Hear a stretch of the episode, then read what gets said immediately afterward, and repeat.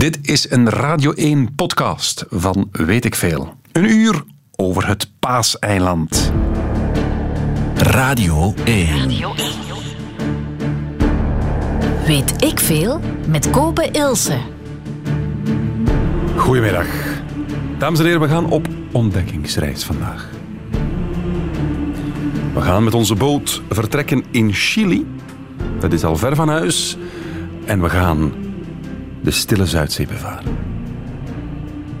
4000 kilometer lang. Alleen maar water. Tot we opeens een eiland zien opdoemen. En het is Pasen vandaag. Dus denken we, we gaan dat eiland gewoon Paaseiland noemen. En daar gaat het vandaag in Weet ik Veel over. Over een klein eiland. Het meest afgelegen bewoonde stuk van de wereld. Paaseiland. In Polynesië. En bij ons Annelies Truijen. Antropologe en ex-inwoner van Paaseiland. Klopt, hè? Dat klopt. Mis je het? Ja, Is er veel over te vertellen? ja heel veel. De beelden, de mensen, het afgelegen. Daar gaat het vandaag in Weet ik Veel over. Fijn dat u luistert, lieve luisteraar, en welkom. Een van de pronkstukken van het museum en deze tentoonstelling, een echt paaseilandbeeld. Begin 20e eeuw geschonken aan een Frans-Belgische expeditie. Het beeld weegt 6 ton. Ze hebben het eigenlijk in een net gewikkeld en voortgesleept op eh, rollende boomstammen. En dan zo in het water met een grote katrol op de Mercator gehezen. Paaseiland. Annelies Truijen, je hebt er een jaar gewoond. Inderdaad, in 2008. En heb je dan elke dag die mysterieuze beelden bezocht? Zeker. Ik woonde aan het zandstrand, het enigste zandstrand, Anakena. En ehm, ik woonde daar in een, eh, een klein huisje en een kleine grot achter, achter het strand. Ja. En elke morgen ging ik met eh, mijn paard of mijn hond naar beneden, naar het zandstrand. Daar liepen de wilde paarden en de zeven moois stonden daar ook eh, mooi op een rijtje. En dan beslis je toch op een bepaalde dag om terug te keren naar dit grijze België. Inderdaad. Dus je woont daar op het strand met de wilde paarden, die beelden, die paaseilandbeelden, de stille Zuidzee die je wekt, s ochtends vroeg, de palmbomen. Ja. En dan zeg je wel, goh, ik heb het wat gezien. Inderdaad, het is heel ver weg. Ah ja. Heel geïsoleerd, ver weg van familie en vrienden. Is dat, dat is eigenlijk de reden dat je bent vertrokken? Dat is de reden. En mijn zus had eh, een kindje gekregen, Ah, oké. bijvoorbeeld. Moet ik mij dit erbij voorstellen? Is het echt ehm, bounty, iedereen relax, rondrijden, rum, cola drinken, zo'n dingen? Nee, het is niet het beeld van de parelwitte stranden zoals Tahiti en Ah, andere Polynesische eilanden. Dus dit moet... Ja, stop maar. die Maar het kan, het is wel relaxed. Ehm, Oké. De mensen zijn ehm, bezig met hun dagelijkse leven. Sommigen hebben een dagjob. Hoeveel mensen, hoeveel mensen wonen daar? Toen ik daar was, was het ongeveer 5000, maar nu blijkbaar al 7500. Zoiets. En hoe groot is het ongeveer? Het is ehm 165 vierkante kilometer ongeveer. 10 op 15 kilometer. 168. Het is niet gigantisch, hè? Nee, het is zeer klein. Het zijn drie eh, non-actieve vulkanen nu, die eh, ja, aan elkaar zijn eh, Ja? Gegroeid. En dat is het eilandje. Dus je kent iedereen. Als je daar een jaar woont, dan ken je wel iedereen ook. bijna iedereen. En ze noemde mij Anna Todo Terreno. Dat was zo van, zij doet mee op alle terreinen. Zand, eh, strand, zee. Niet de lucht, maar eh, de rotsen enzovoort. Hoe ben je daar eigenlijk beland? Ehm, Dat is echt letterlijk het, de andere kant, het einde van de wereld. ik had niet direct zo die enorme fascinatie voor dat eiland, zoals vele mensen wel. Maar ik woonde en werkte al in eh, Santiago in Chili, in fairtrade toerisme. En zo ben ik dan eh, met mijn werkvisum na- met een familie meegereisd naar het Paaseiland. Zij noemen dat Rapa Nui. Ja? Ehm Rapa Nui mensen, Rapa Nui taal. En dan heb ik in die clan, Tuki Huti, meegedraaid in feite. Dus je bent op, eigenlijk als toeriste op bezoek gegaan en Ja. een jaar gebleven. Ja. Is het, het is een deel van Chili, toch? Hè? Het is een deel eh, van Chili. Het is geannexeerd geweest in 1888. Oké. En ehm, die gebeurtenis staat nog echt wel in het collectieve geheugen gegrift. Want tot op van de dag van vandaag ehm, heeft dat vele gevolgen voor, het, voor de eilandbewoners. Want ze voelen zich eigenlijk Polynesiërs. Het is een Polynesische cultuur. Ja? Natuurlijk zijn er ook veel invloeden vanuit Chili nu. Maar ehm, in de, zij vertellen altijd het verhaal toen ehm, de toenmalige koning, de Ariki, ehm, sloot een verdrag met de, Chileen, de Chilenen. En ehm, het eh, akkoord van de voluntaris, van de willen. Maar de wil van de Rapa Nui was helemaal anders dan de wil van Chili. En de koning, de Ariki, nam zo'n graszode op. En die zei van, kijk, de aarde blijft eh, van de Rapa Nui. Blijft voor altijd onze grond, onze identiteit. Maar het gras... eh, dat de, Is van Chili. is van Chili. Jullie mogen uit, krijgen de heerschappij over om ons land te laten groeien. Maar eh, bij Chili was dat duidelijk van nee, eh, nee. het eiland is nu ons territorium. En die hebben daar heel slechte invloed op gehad doorheen de geschiedenis. Dus de Chilenen zijn daar niet zo populair. Eh, nee, nee. En is het een gespannen vrede? Is het een vrede? Of is het eigenlijk elkaar niet kunnen uitstaan? Maar Het is een vrede, want natuurlijk is er, zijn er ook eh, er zijn gemengde koppels en eh, veel Want- mensen gaan ook naar Chili. op en af. op Ah, en af, gaan studeren. Er woont veel familie in Chili, dus er is zeker ook goede, Mhm. goede inkomsten en Ja. wisselwerking tussen Chili. Maar ehm, in de tijd dat ik daar gewoond heb en tot nu zijn er veel ontwikkelingen geweest. Ehm, en dan in de geschiedenis vroeger zijn er veel eh, tegenslagen geweest voor de Rapa Nui. Onder andere toen ze werden geannexeerd door eh, Chili, eh, werd het eiland eigenlijk verhuurd als een schapenfokkerij. Dus tot in de jaren 50, 60 Mhm. ehm, waren de schapen daar belangrijker dan de eilanders. Die moesten dan allemaal ehm, in het dorp Hangaroya gaan wonen. Die waren gewoon van nog in grotten of op platteland te wonen. Die werden, eh, het werd omheind. Ze moesten een pasje hebben om binnen en buiten te kunnen. Eh, dus ik heb nog mensen gesproken die dat hebben meegemaakt. Die dan over de omheining moesten klauteren s'nachts om een schaap te stelen, om eten te hebben en nog allerhande misbruiken. Want laten we eens beginnen bij het begin. Ja. Dus Paaseiland is wanneer ontdekt?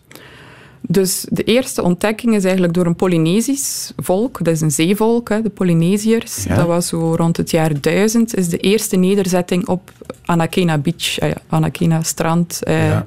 gevestigd ongeveer. Maar dat is, hoe zijn ze in het jaar 1000 daar terechtgekomen? Dat, want dat is zo geweldig af. 4000 Ja. kilometer van Chili, mot midden in die gigantische Zuidzee. Maar over al, eh, over al de feiten van het Paaseiland wordt er nog steeds druk eh, onderzocht. En het is nog Ze altijd niet allemaal niet. opgelost, maar hetgeen geweten is. ehm, Polynesische volkeren die komen oorspronkelijk van Azië. En dat zijn zeevolkeren hè, met grote kano's, met zeilen. Mhm. Ehm, konden die echt wel ehm, Duizenden kilometers kilometers, ja. ehm, varen. En zo zijn die daar terechtgekomen. De legende zegt dat de, het legendarische eiland af, waar de Rapa Nui van afkomstig zijn, heet Hiva. En de koning, Hotomatua, ze zingen daar nog altijd over, over Hotomatua, had een visioen gezien van ja, we moeten naar het Rapa Nui, naar Paaseiland, is er een expeditie vertrokken, omdat het eiland, ehm, Hiva, aan het afbrokkelen was. Het was aan het overstromen, dus Ja, ze moesten nieuw land zoeken. Ehm, en Ze de- waren gedwongen om op zoek te gaan naar iets nieuws. Ja. En dan zijn ze gewoon op basis van een visioen vertrokken. Dat was de legende. Dat is de maar legende goed, natuurlijk. zo is het ook wel ongeveer gebeurd. Wel, Polynesiërs ja. die moesten een ander land zoeken en daar terecht kwamen. En wanneer zijn de Europeanen, de ontdekkingsreizigers, wanneer zijn die er dan beland? Dat was ehm, in 1722, hè, zoals je net zei. De eerste was een Nederlander, Jacob Roggeveen. Dan de Spanjaarden, de Engelsen, de Fransen zijn daar geweest, maar ze zijn daar allemaal niet lang gebleven. Wegens totaal oninteressant. Eh, wegens ja, oninteressant, eh, niet voor handel, niet, eh, niet groot genoeg om als territorium te Ja. annexeren. En Dus- vreselijk ver ook, hè? En vreselijk ver, ja. En heb je daar nu nog invloeden van, van die koloniale dingen? Of is, dat Ehm, volledig, is, het- is het eigenlijk vooral een Polynesische cultuur? Het is een Polynesische cultuur vermengd met die Chileense Ja. cultuur. Ja, ja, oké, op die manier. Hoe zeg je hallo in die taal? Ar- Aroha. Aroha. Zoals aloha, maar Aroha. Aroha. Want hoe heet de taal precies? Rapa Nui. Rapa Nui. En het volgende nummer is gezongen in het Rapa Nui. Goed. Het heet... Va, ja, Vahui... Vahi? Vahui? Ja, ik denk dat ik het ken. Weet je toevallig wat Ik weet niet meer de vertaling. Topa Tangi heet. Sopatangi, ja. Ah, dat is een bekende... Dat is een bekende groep daar, ja. Topatangi met iets.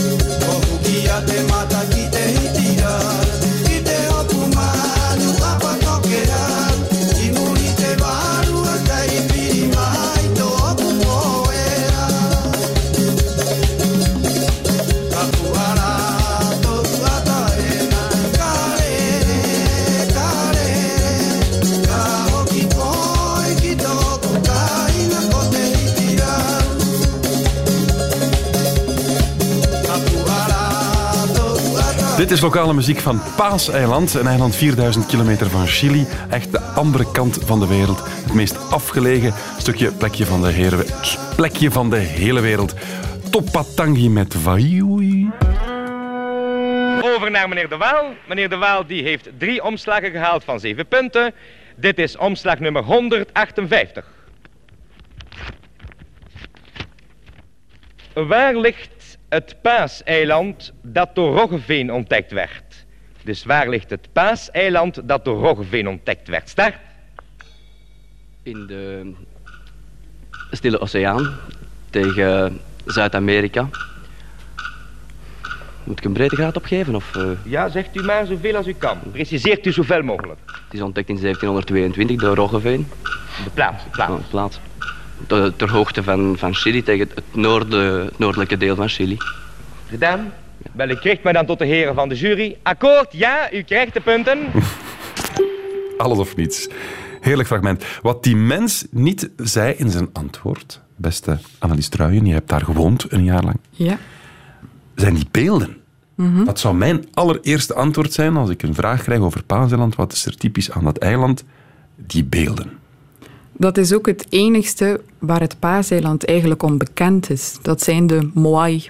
Zij noemen dat moai. Dat betekent de levendige, de levende gezichten van de voorouders. Ja. Zij hebben een vooroudercultuur en zij geloven in geesten op aarde. En die geesten zitten dan in de moais of, of in de dieren. Want het is iets heel mysterieus. Hè? Die, die beelden, dat is iets Ja, als je ervoor staat. ongelooflijk fascinerend. Ongelooflijk. moet. Hoe, hoe hoog zijn ze? Dat varieert. Ehm, de hoogste, die ook ehm, op een platform is geplaatst, is 10 meter hoog, 12 ton. En dan nog zo'n hoofddeksel. Ze hebben ook een hoofddeksel, dikwijls een pokaal, nog een, zoveel ton erbij. Eh, dus ja, verschillende meters hoog. En ze Ehm, staan met hun gezicht landinwaarts? Ja, ze kijken naar hun nageslacht. Het zijn de voorouders die waken of kijken. Weten we dat zeker of is dat... Dat is niets is zeker. Hè. Zeker niet over het Paaseiland. Maar de mensen daar vertellen het zo. En het wordt ook aangenomen Ja, door. De, door de wetenschappers. Maar is het wetenschappelijk te verklaren hoe beelden van tonnen zwaar Mhm. door voorouders, wanneer staan, van, sinds wanneer zijn ze daar? Vanaf het jaar 1200, zo, ja, hoe hebben ze in jaren. godsnaam die beelden daar gekregen? Daar is er veel ehm, discussie rond, maar het komt erop neer. ehm, de meest gebruikte techniek was met boomstammen. Vandaar ook dat er nu weinig bomen staan op het Paaseiland of Rapa Nui. Ja? Eh, zij gingen die beelden uithouwen in een van de drie non-actieve eh, vulkanen, dus op de helling van, eh, van de vulkaan. Gingen zij daar met verschillende families samen aan werken. Eerst het hoofd, dan de romp, zonder eh, benen. Ah ja. Die werden uitgehouwen. En, en dan werden ze op boomstammen horizontaal of verticaal geplaatst. En zo werden ze naar hun platform, een ahu, eh, getransporteerd. Maar wacht, want dan sla je al over dat die, die tonnen moeten wel op die boomstammen geraken. Dat is toch on, Ongelooflijk. Dat duurde een week, twee weken waarschijnlijk. Tegen dat ze effectief Ja. op hun bestemming... Dat blijft een ja, mysterie. Er hadden ook touwen. Ze maakten, ik heb dat daar ook gedaan. Touwen maken van, van de bananenboom, sterke touwen. Ja. Eh, er is ook een reconstructie gedaan ehm, dat, ze, dat ze wandelen, de wandelende moai, dat was dan ook recht, met touwen, dat die zo waggelde. Dat Ja. was eh, dus ook een, En hebben ze het gezicht erin gehouden in eh, de vulkaan nog? in, de, vul- in de of, vulkaan. of de, pas ter plekke? Nee. Toen, nee, Ze kwamen helemaal af ter plekke op hun ahu, een ceremoniële plaats waar ook eh, mensen werden begraven vroeger. Tien meter hoog. Wat Ja. doet dat als je daarvoor staat? Het is een, ja, een indrukwekkend beeld met daarachter de, vooral ook dat, de oceaan. Hè. Dus u bent volledig omringd door eh, de oceaan. Ja. En nu ehm, zijn er heel weinig bomen. Dus, ehm, dus het is nogal een grassig, rotsachtig eiland. En dan overal veel stenen. Dus de moais zijn weer allemaal eh, rechtgezet. Die zijn in de tijd ook ehm, om, in mysterieuze omstandigheden tegen de grond gegaan. En dat is heel... Ja, en dan de zonsopgang, zonsondergang aan die beelden. En, ja, en het is zeer indrukwekkend. Ze Ja, staan daar heel de bussen, toeristen? Of, of wordt dat... Toerisme is nu enorm eh, gestegen. Hè. Ik, Ja. Toen ik daar woonde, viel dat mee. Ja, Af en toe een cruiseboot, ehm, Ja. één à twee keer een vliegtuig ehm, per dag. Maar dat is enorm. Ik heb gelezen nu vorig jaar 100.000 bezoekers. Die komen puur om die beelden eigenlijk. Ehm, en dat is ook een probleem, ehm, zowel qua ja, draagkracht van dat eiland als Tuurlijk. verstoring van het dagelijkse leven. En daarom is er nu een nieuwe wet sinds 1 augustus op, ehm, op, de toeristen, op het toeristenvisum. Ja. Zij mogen nu maar één maand blijven in plaats van eh, drie maanden. En het belangrijkste is eigenlijk dat dat ook geldt voor de Chilenen Dus de Chilenen die geen familie hebben op Rapa Nui, konden vroeger ongecontroleerd het eiland bewonen, Maar nu niet meer. maar nu niet meer. En dikwijls trok dat een beetje de mensen aan die sociaal-economisch wat uit de boot vielen. Criminelen, drugs of mensen die puur voor de business naar daar gingen en niet echt in respect. Maar laten we even teruggaan naar die beelden. Hè. Dus we weten eigenlijk niet hoe ze of waarom ze het deden, die beelden zetten. Ofwel, je zegt al, het zijn de voorouders die waken over de, de nieuwe generaties. Maar Het echte waarom ga ik u ook vandaag niet kunnen vertellen. Maar zij hadden tijd over. hè. Ze waren zelfvoorzienend. Ehm, De families gingen dan... Er was een soort competitie. Verschillende clans, eh, een 36-tal clans zijn er op het eiland. ja, Ehm, die gingen dan samenwerken aan een groot project. Hè. Wie de grootste had, denk ik. het was een beetje zoals de stoet in, carna- bij, in, in Aalst, de, de mooiste carnavalswagen. De grootste, ja. Ze De zijn ook nogal gericht op eh fallus en vulva en Ah, ja. vogelmancultuur. Dat komt ook overal in de rots. Tekeningen, ehm, her en der verspreid. Of in de huizen, de kunst in de huizen. Het is, een, Dat, het is eh, een, een seksueel eiland. Ook, ja. Zeker een ehm, religie, een cultuur, eh, heeft ehm, veel te maken met vruchtbaarheid. Dus dat komt ook in uiting tot in hun, Ja. in hun kunst. Dus moeten we in die beelden dan ook iets eh, zien dat we... Dat zeg ik nu, omdat ik nu net zei, ja, de grootste. Maar Ja. dat heeft om die, met die voorouders en die geesten te maken. Dus we moeten daar... Maar toch, ja. Want het zijn langwerpige ja. Maar dat ga, ik, dat ga ik nu niet voor heel Vlaanderen verkondigen. Het zijn de voorouders. Maar daarna hadden ze wel een, een andere cultuur, een vogelmancultuur. Ja. En dan zie je wel in die rotsinscripties hoe ze ehm, ja, de, de, de kop met de snavel van de, de zeevogel met een gekromd lichaam. Maar dikwijls is dat een hè, copulatie met een andere, een andere vorm van iets. eh, Zijn de mensen er- op Paaseiland eigenlijk gewoon, op vetzakken bij elkaar? Maar kunnen we dat zeggen? vetzakken. Ja, in feite, je kan dat zeggen. Je kan dat zeggen. Ja, als vetzakken positief bedoeld is. Maar de beelden hebben geen geslachtsorganen, hè? Nee, ze hebben De dikwijls romp- wel de romp met zo wat kleine handen, armpjes die zo op die romp eh, hangen. Ja. En dikwijls hebben ze achteraan ook wel die, ja, ook weer die vruchtbaarheidsinscripties. zo, ehm, Inscripties. wel, zij beelden dan de Make Make uit. Dat is de god van creatie, dus de, de vruchtbaarheidsgod. Een beetje een, de, al, eh, de heerser, hè, de Zeus. Ja. Ehm, en dan hebben ze daar ook zo de, het water, een symbool voor water, land. En die komen samen. Hè, ehm, vruchtbaarheid. En dat brengt dan leven. En dat is ge- gegraveerd op die ruggen. Hoeveel beelden staan er eigenlijk in totaal? Wel, er zijn meer dan 900 beelden. Wauw. Ehm, maar velen eh, zijn op de helling van de vulkaan blijven steken. Daar Bij de je- verhuis. Nee, dat is ook een mysterie. Het lijkt een beetje, je kan het beschrijven, ze waren allemaal druk aan het werken, aan het houden. En dan opeens was er staking of werden ze weggeroepen en zijn ze nooit meer teruggekeerd naar de, ze noemen dat ook de fabriek van de Moais. Ah, er liggen on, on, On- onafgewerkte ja. beelden. Ja, op, op die helling, dat is een toeristische site nu. Fascinerend. Eh, ja.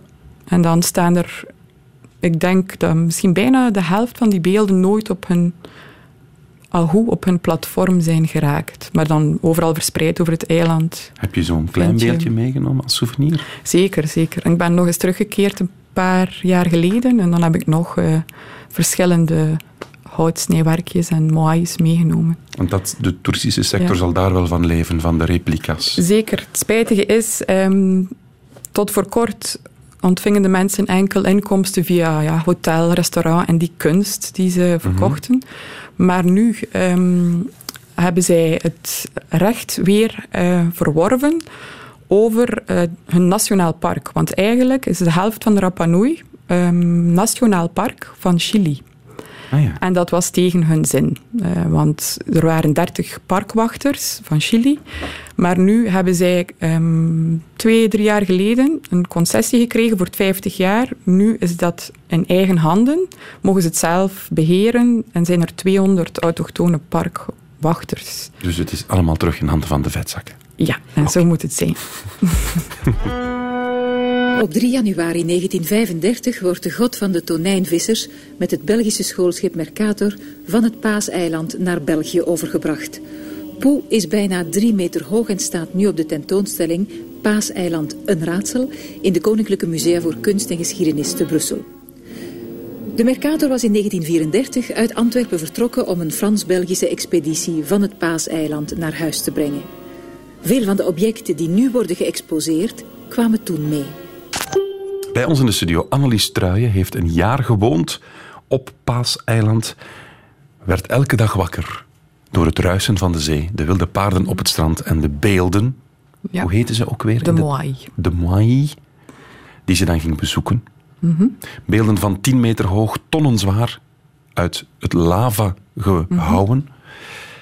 We weten al dat we niet echt weten waarom. Er zijn heel veel veronderstellingen.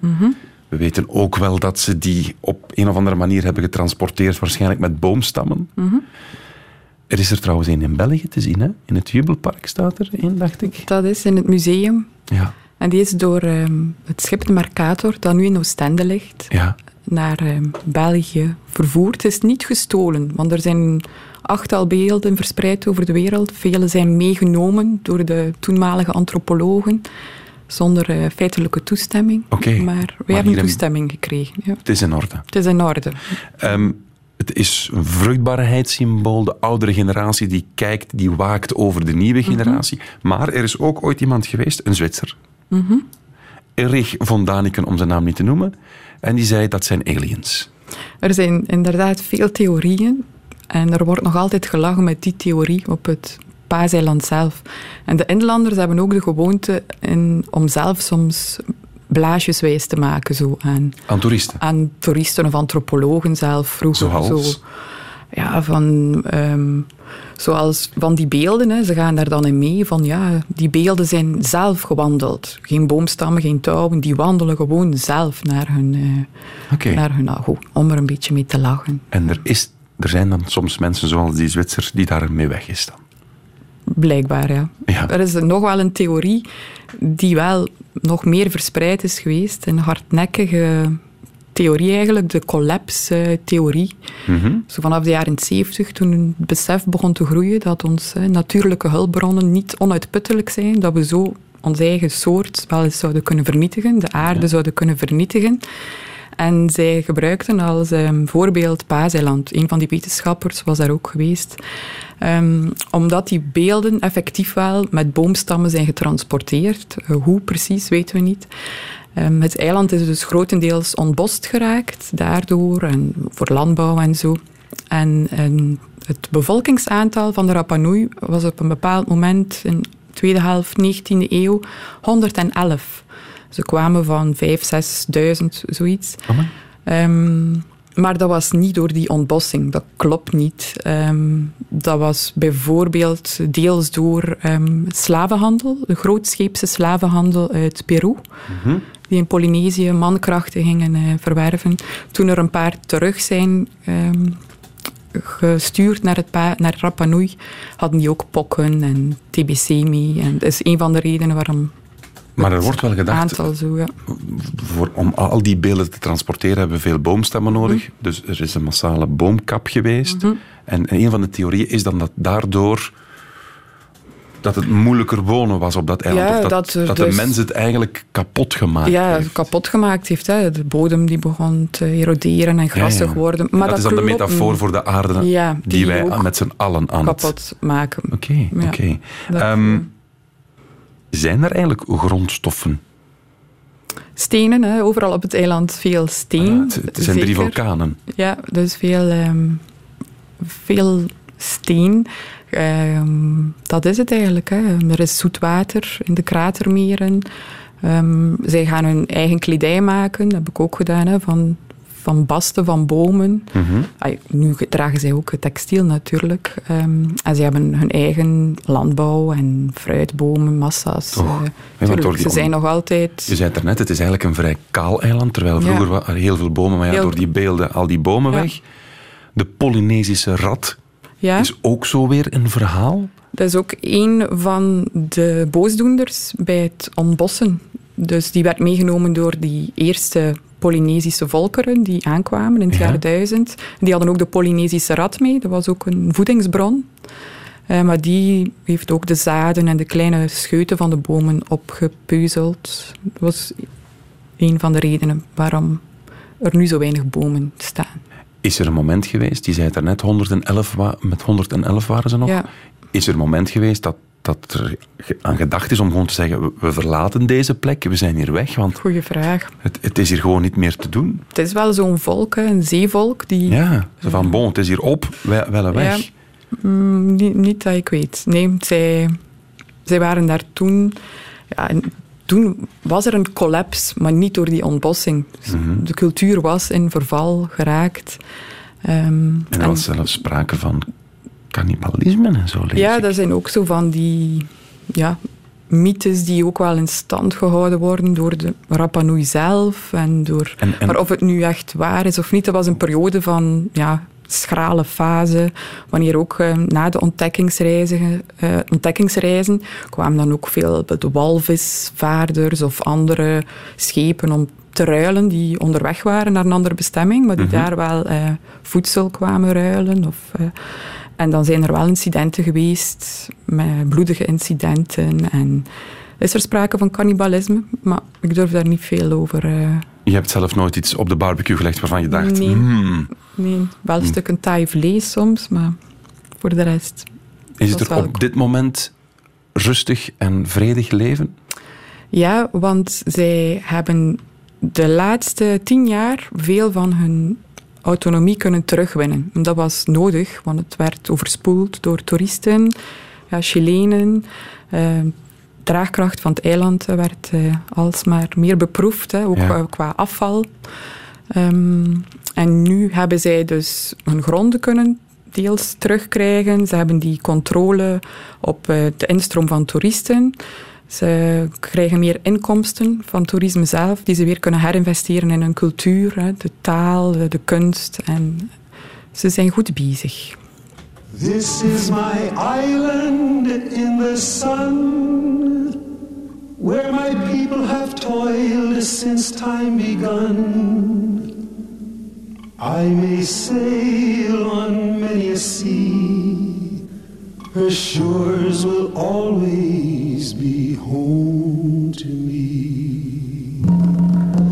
Oh, island in the sun, Built to me by my father's hand.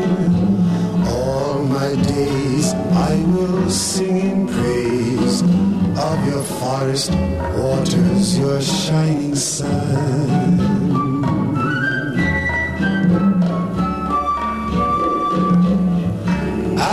Morning breaks, the heaven on high, I lift my heavy load to the sky. Sun comes down with a burning glow, mingles my sweat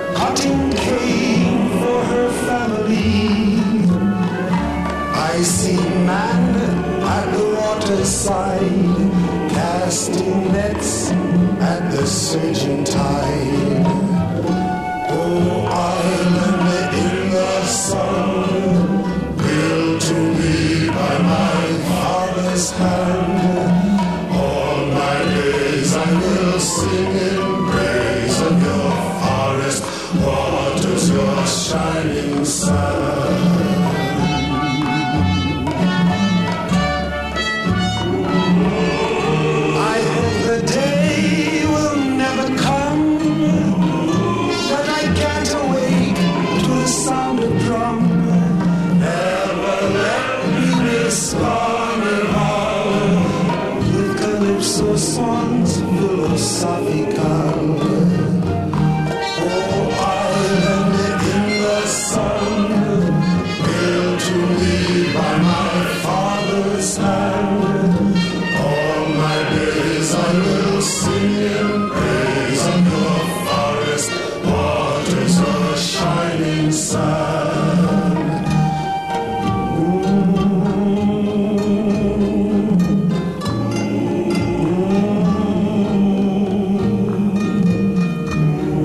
Zo zitten we toch even ver weg van hier, op Paaseiland. Want daar gaat het over vandaag in Weet ik Veel met Annelies Truijen.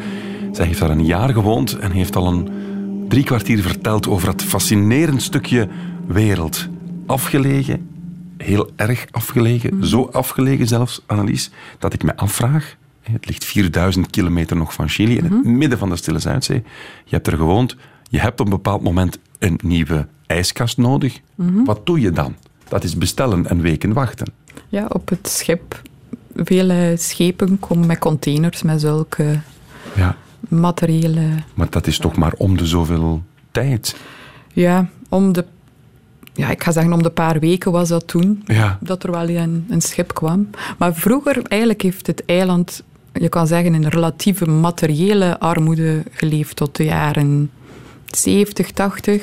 En eigenlijk de eerste ijskasten zijn maar binnengekomen zo in de jaren 90. Dan pas. Ja, zo, ja. En de eerste auto's, jaren 60. Dan is eh, daar ook een, de vliegstrip aangelegd. Dat was Ja. voor NASA ruimte Ja, dat is een, vaartprogramma. een, een, een lel van een ja, landingsbaan. Ja. En dan is alles eigenlijk een keer daarvoor, was het relatief geïsoleerd nog.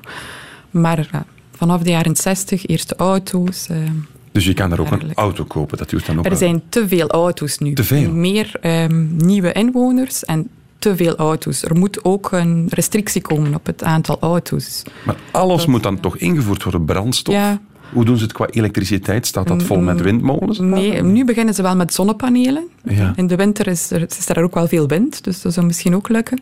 Maar ze hebben een kleine elektriciteitscentrale. Af en toe valt die stil en dan is er even geen elektriciteit. Maar het liggen ze daar niet wakker van. Geen probleem. Tuurlijk op het strand. Ja. En afval, hoe doe, je, hoe doe je dat? Want je hebt maar 120 Ja. vierkante kilometer. Ja. groot probleem, nu nog groter, hè. Meer, eh, meer mensen. En zij hebben, vroeger was dat gewoon verbranden. Maar dat was natuurlijk niet gezond voor de aarde, voor de mensen.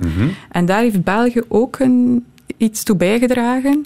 Een tiental jaar geleden was er tussen Vlaamse gemeenschap en Chili een project. En dan is er een, zo'n ja, een compressiemachine eh, gemaakt en een sensibili- sensibiliseringscampagne voor recyclage. En dat werd bekostigd door de Vlaamse gemeenschap. Dus nu hebben ze wel een beter... Ze gaan die allemaal compresseren, het afval, en wel nog in grote kuilen Ah, ze eh, begraven het gewoon. grotendeels blijft op het eiland en een stukje gaan met schepen terug. Maar er komt dus een dag Naar dat het Chili. vol is, natuurlijk. Ja. Ja, en ook vanuit de oceaan, hè, plastic. Dat drijft uit, spoelt dat spoelt daar ook. En ehm, wat wou ik nog? Ah ja, over eten. Mhm.